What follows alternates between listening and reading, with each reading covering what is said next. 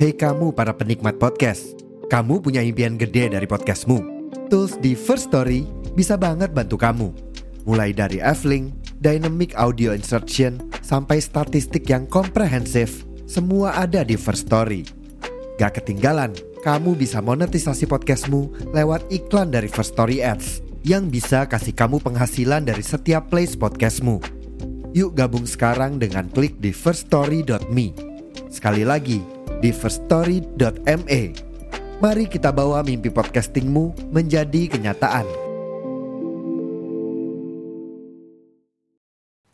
Saat aku membalikan posisi tubuhnya aku jadi terlentang, itu ternyata di atasku ada helaian rambut yang menjuntai dari langit-langit kamar.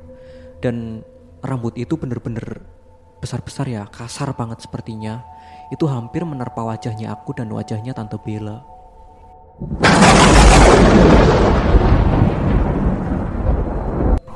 Yu prokonco podo rumono. Aku duwe carita mrono mrene. Ana mrene Ini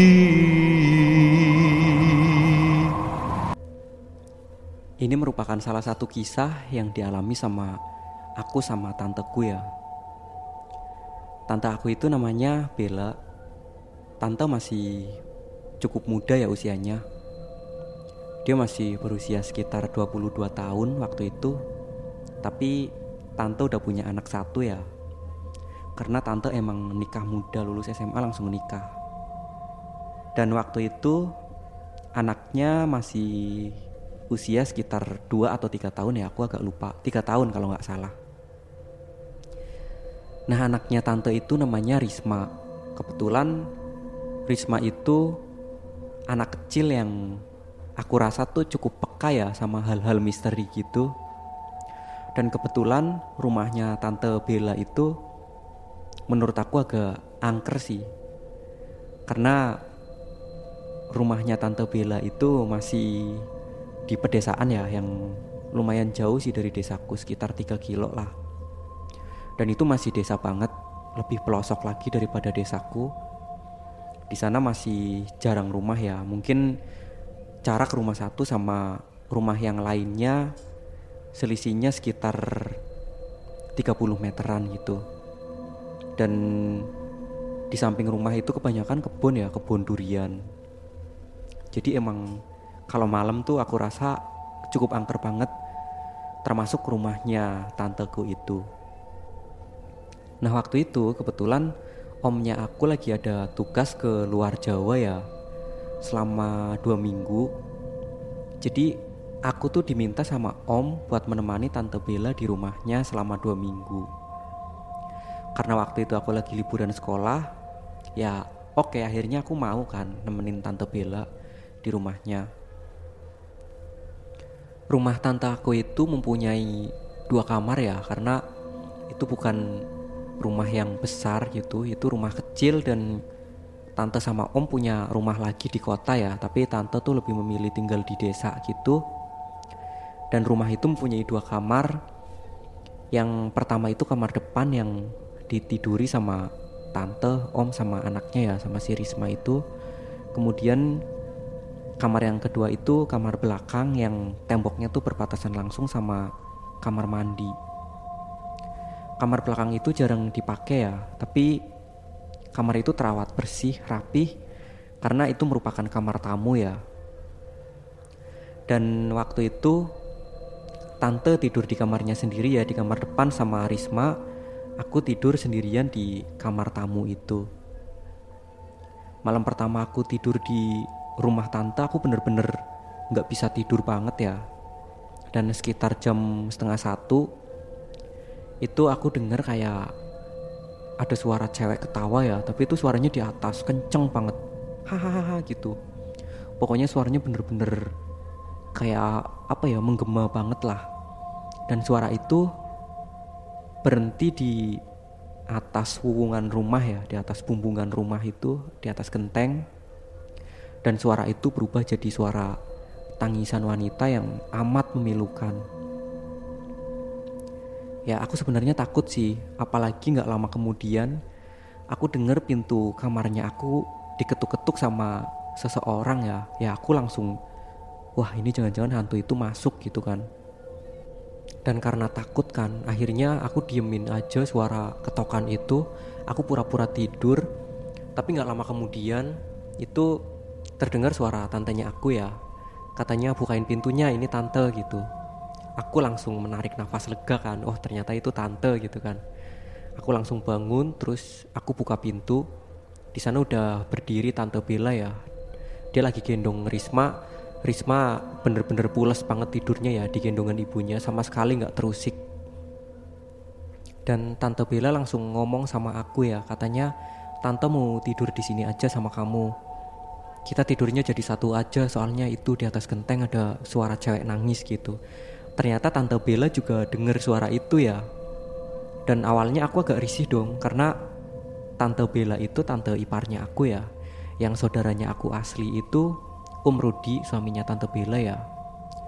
Jadi aku tuh risih apalagi tante Bella masih muda kan dan aku juga udah bisa dikatakan remaja gitu. Jadi ya risih kalau harus tidur bareng gitulah tapi ya udah akhirnya pikirku ya Om Rudi tuh menitipkan Tante Bella sama Risma ke aku gitu ya dan aku harus jaga mereka gitu.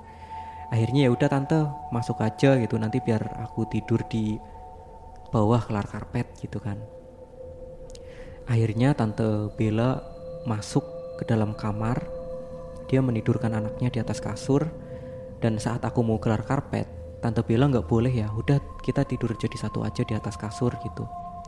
Tante takut beneran. Biasanya nggak ada hal-hal kayak gini loh. Palingnya cuma suara-suara ketawa biasa lah tapi nggak sampai kayak gini. Ini suaranya bener-bener jelas banget. Katanya tante Bella kayak gitu. Ya udah akhirnya kita tidur satu kasur kan bareng.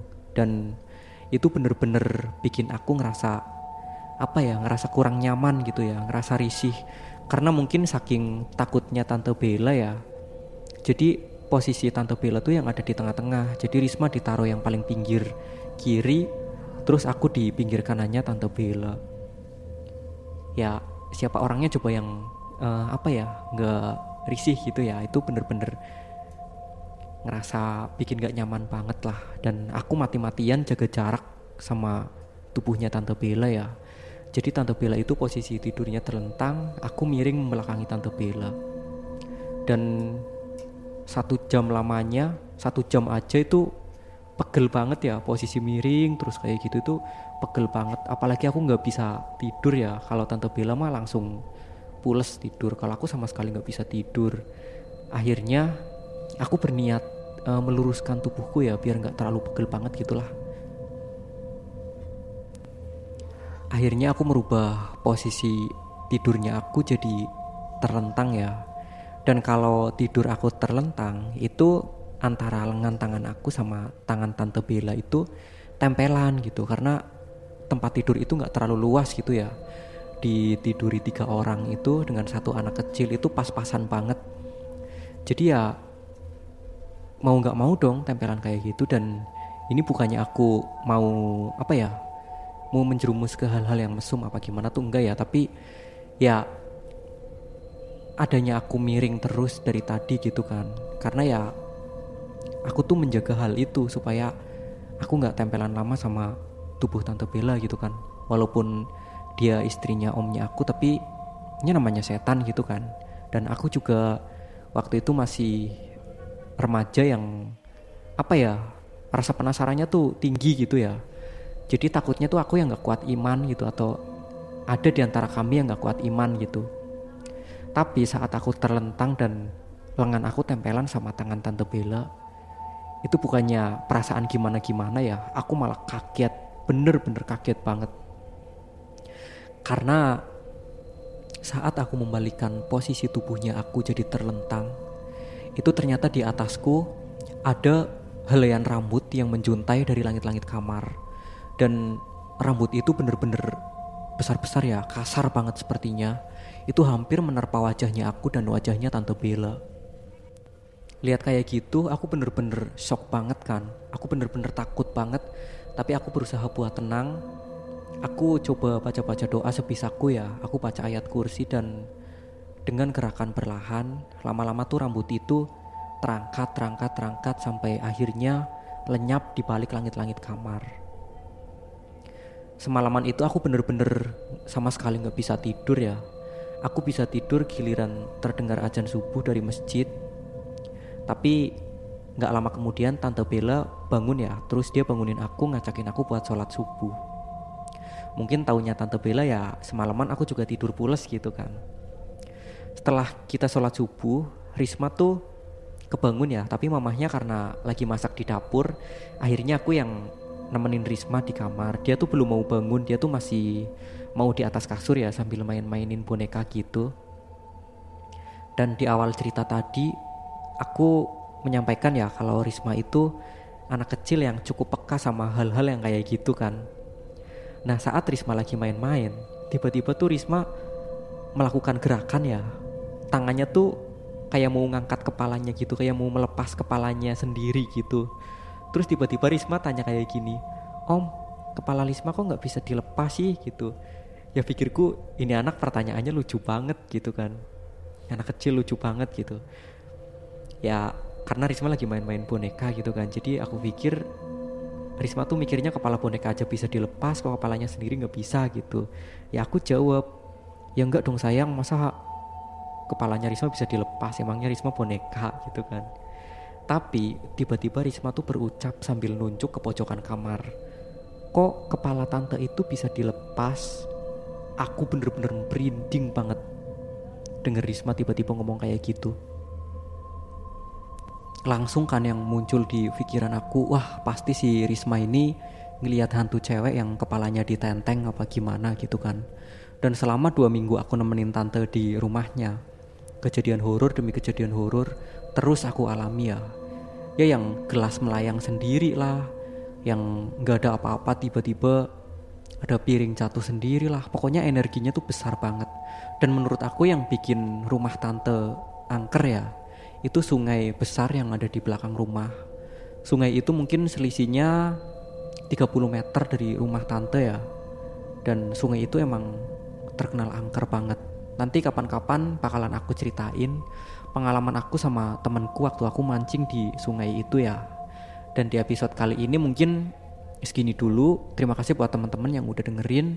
Maaf kalau ada salah-salah kata atau banyak banget kekurangan di sana sini. Dan kita berjumpa lagi di episode yang selanjutnya. Terima kasih. Wassalamualaikum warahmatullahi wabarakatuh dan see you.